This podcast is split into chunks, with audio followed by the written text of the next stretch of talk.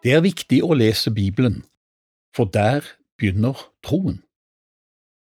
Ved tro skjønner vi at verden er skapt ved Guds ord, så det en kan se, ikke er blitt til av det synlige. Slik står det å lese i Hebreabrevet kapittel 11 og vers 3. Bibelen er Guds ord. Det er formidlingen av Guds budskap til menneskene, verken mer eller mindre enn det. Derfor er det viktig å presisere at Bibelen ikke bare inneholder Guds ord, den er Guds ord. Den er en eh, vesentlig forskjell på å tro at Bibelen har et sannhetsinnhold, og det at Bibelen er Guds ord til oss mennesker. Hvem skulle forresten kunne skille det ene fra det andre? Hva som er menneskelige skriverier, og hva som er fra Gud? Gud har overlevert sitt budskap gjennom de mennesker han betrodde det til. Nøyaktig arbeid med håndskriftene og gode oversettelser er viktig for vår forståelse av Guds ord. Dette ordet er grunnlaget for vår tro. Videre sier Bibelen om seg selv, hele Skriften er innåndet av Gud og nyttig til lærdom, til overbevisning, til rettledning, til opptuktelse i rettferdighet. 2. Timotius brev, kapittel 3 vers 16. Ved tro lærer du av ordet, ved tro blir du overbevist, ved tro får du rettledning av ordet.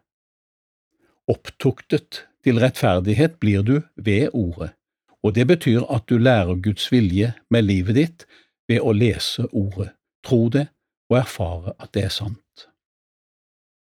Guds ord er ikke et hvilket som helst ord fordi det er innåndet av Gud. Guds ånd er i ordet. Jeg skjønner ikke alt som står i Bibelen, men jeg tror det.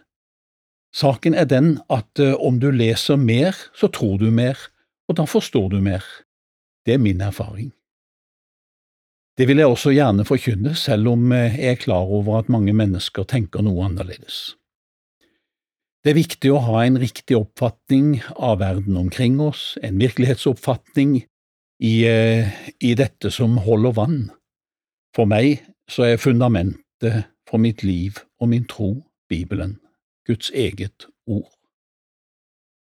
La oss se litt på begynnelsen, og da spør du kanskje hvilken begynnelse? Vel, egentlig er det bare to utgangspunkter å velge mellom.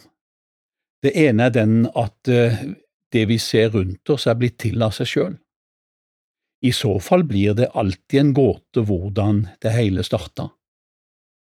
Vitenskapen har ikke noe klart svar på det.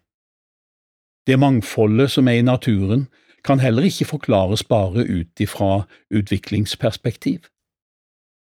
Teorien om artenes opprinnelse er ikke klart bevist av vitenskapen.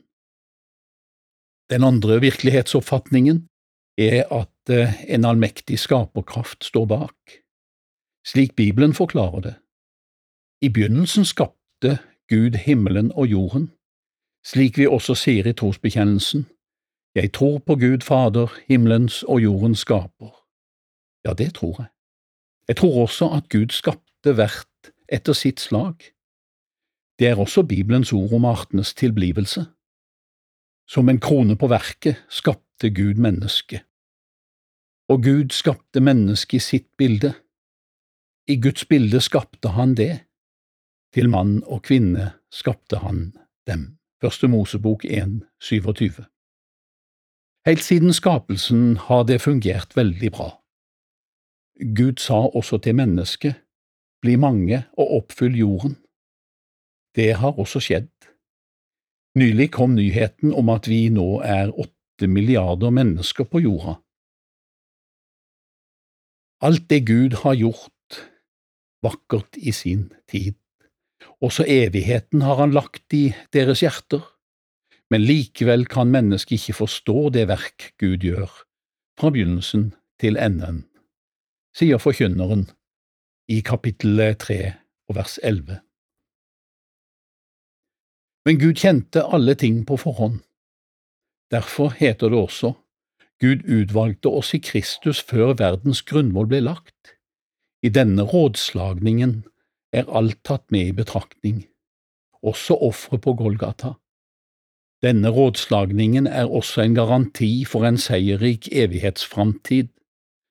Gud bekrefter dette for sin tjener, profeten Jeremias. For jeg vet de tanker jeg tenker om dere, sier Herren. Det er fredstanker, og ikke tanker til ulykke. Jeg vil gi dere framtid og håp. Jeremia 29, 11. Ved tro skjønner vi dette. Gud har en plan med ditt liv, han tenkte så kjærlige tanker. For han har deg inderlig kjær, han hjarta så varmt for deg banker. Gud har en plan med ditt liv, han framtid og von vil deg gjeva, så lat han få visa deg veg, da fer du i livsstrømmen leva. Hvor står du? Spørsmålene du må ta med deg videre er tror du, lever du i livsstrømmen? Du må velge. Kunnskapen om godt og ondt fikk mennesket ved syndefallet, og med denne kunnskapen kom den frie vilje.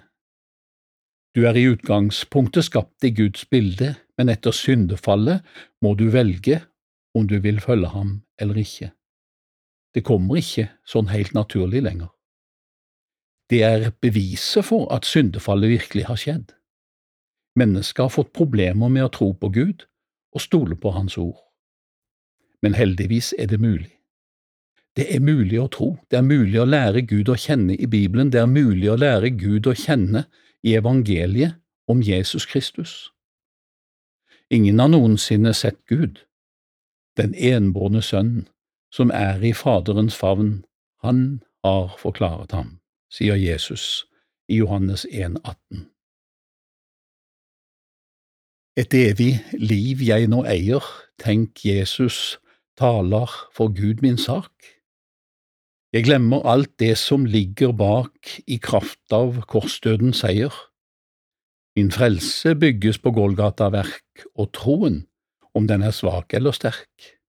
Og følelser er forsvunnet, og Jesus, troen, er grunnet. I Jesu mektige hender jeg ber at det der må jeg alltid bli, og når min vandringsdag er forbi, jeg vet i himmelen den ender. Der skal jeg synge i englenes kor, en sang som aldri ble sunget på jord, en takkesang uten like, i Jesu evige rike. Amen.